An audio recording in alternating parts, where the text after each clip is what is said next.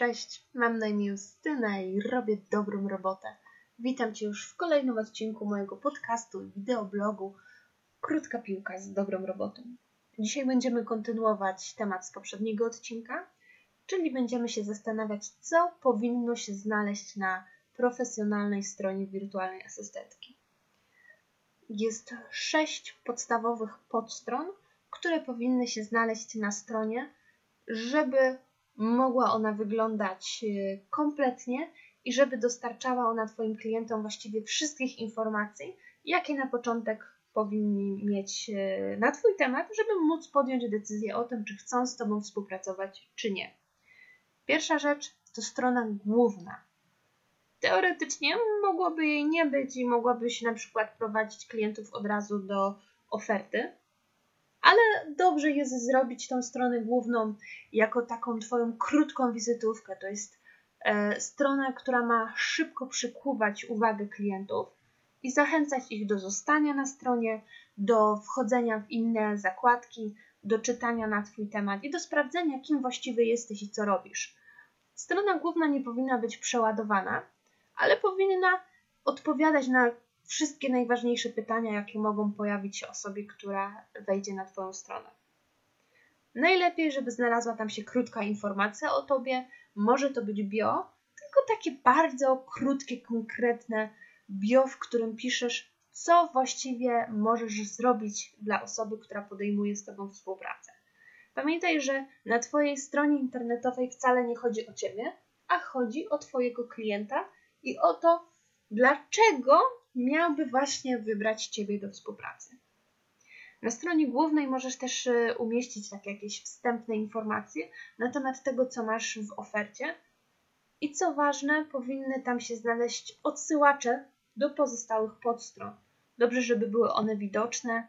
E, mogą być e, umieszczone po prostu w menu w bardzo widocznym miejscu, ale mogą też być dodatkowo umieszczone w tekście. Pamiętaj, żeby na stronie głównej nie używać dużej ilości tekstu. Niech będzie przejrzysto, niech zachęca do klikania dalej. Następna strona to powinna być strona o mnie.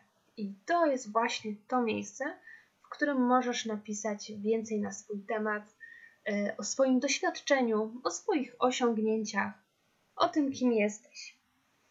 Tutaj możesz sobie już pozwolić na trochę więcej prywatnych e, informacji niż na stronie głównej, ale nie powinnaś też przesadzać.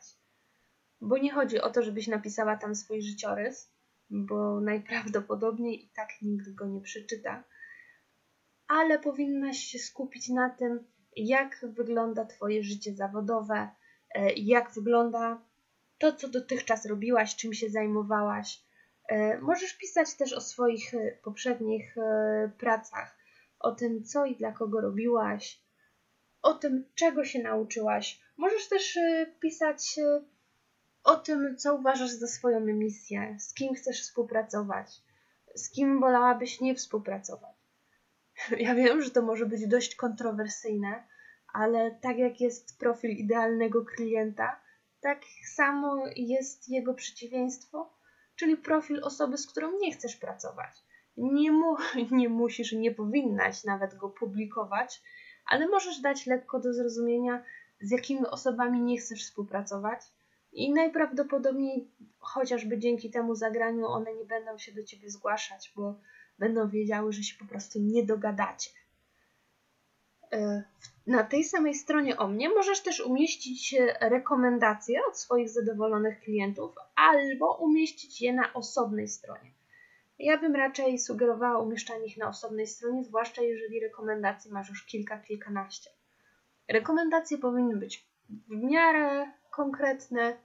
E, fajnie, jeżeli to są rekomendacje e, dość osobiste, takie, w których widać, że one zostały napisane specjalnie na Twój temat i temat Twojej działalności, a nie, że są to ogólniki, chociaż na to nie mamy wpływu. I e, cóż, jaką Ci klient napisze rekomendację, taką najprawdopodobniej będziesz miała. E, oczywiście nie wszystkie rekomendacje, jakie otrzymasz, musisz publikować. E, czy rekomendacje powinny być na stronie, bo na pewno się, jeżeli zaczynasz, to martwisz się, że przecież nie masz takich rekomendacji. Powiem tak, no, nie są obowiązkowe, nikt cię do tego nie zmusi, ale rekomendacje tworzą tak zwany społeczny dowód słuszności. Pokazują, pokazują, że są ludzie, którzy ci zaufali i którzy zdecydowali się na współpracę z tobą i z tej współpracy są zadowoleni. To są rzeczy, którymi po prostu każdy chce się chwalić. Jeżeli na początku ich nie masz, to możesz po prostu tej strony nie umieszczać u siebie i dopiero później opublikować, kiedy już będziesz miała własne doświadczenia i, i zdobędziesz rzeczywiście te rekomendacje i opinie, którymi chcesz się pochwalić. O tym, jak o nie prosić i na co zwracać uwagę przy y, ich otrzymywaniu, będziemy rozmawiać na pewno w innym odcinku, bo to jest bardzo ciekawy temat i w przypadku wirtualnych asystentek dość trudny, bo wbrew pozorom wielu klientów wirtualnych asystentek wcale nie chce się przyznawać do takiej współpracy i nie chcą y, pisać na temat tego, że korzystają z pomocy. Więc będziemy na pewno o tym rozmawiać. Kolejna podstrona, jaką powinnaś mieć na swojej stronie, to oferta i cennik. Dobrze, jeżeli nazwałabyś już tą kategorię właśnie ofertą i cennik z naciskiem na cennik, bo założę się, że osoby, które będą wchodziły na Twoją stronę, będą najbardziej zainteresowane Twoimi cenami. Zazwyczaj tak jest, że y, użytkownik wchodzi na stronę, najpierw sprawdza ceny.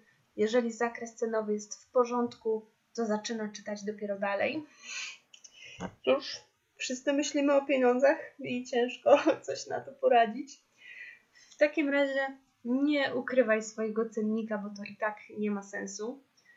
A przy okazji wyeliminujesz e, milion niepotrzebnych pytań, kiedy ktoś cały czas cię pyta o to samo, czyli ile, ile, ile, ile, ile. Po prostu umieść cennik.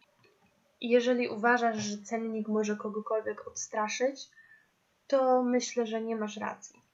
Bo e, z tego, co widziałam dotychczas i z własnych doświadczeń, wiem, że nic tak bardzo nie irytuje, jak strona, na której nie ma cennika.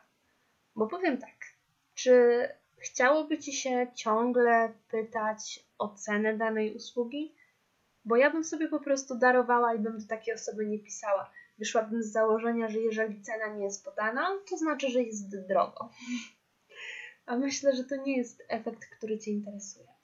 Najlepiej jest e, podać cenę. Nie, na pewno nie masz się czego wstydzić. Jeżeli taka jest Twoja stawka, to po prostu taka jest. I nie powinnaś się tego wstydzić, nie powinnaś tego traktować jako jakąś rzecz do ukrycia. Po prostu opublikuj cennik i tyle. Kolejna podstrona to portfolio, czyli po prostu Twoje przykładowe prace, przykładowe wykonane zlecenia. Portfolio czasami też jest łączone z rekomendacjami.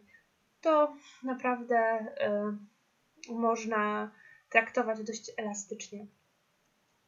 Portfolio najłatwiej jest wykonać, jeżeli chcesz się pochwalić zrobionymi stronami internetowymi, napisanymi tekstami y, albo graf przygotowanymi grafikami. To najłatwiej jest y, umieścić w portfolio, no bo ciężko jest pokazać fizyczny dowód tego, że y, prowadzisz wirtualną recepcję.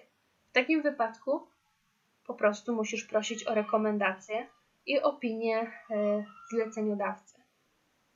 I już ostatnia y, podstrona, jaka musi się znaleźć na Twojej stronie, to zakładka z kontaktem.